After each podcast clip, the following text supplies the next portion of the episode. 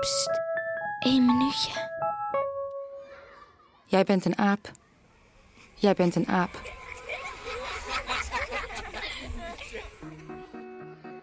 Het is overblijf. We zijn allemaal buiten. De kinderen uit mijn groep hebben in het zand naast het plein een vierkant getekend met een stok. Ze hebben gezegd dat ik een aap ben en dat ik daarom in een hok moet. Het vierkant is het hok waar ik nu in zit.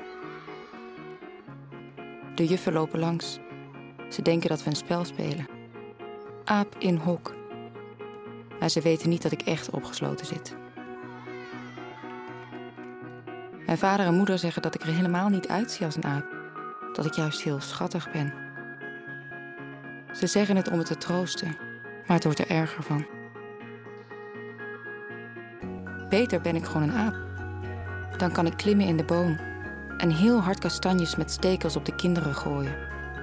Ik spring op de schouders van de juf en trek aan haar haren. Ik ben een aap. Ik ben een aap.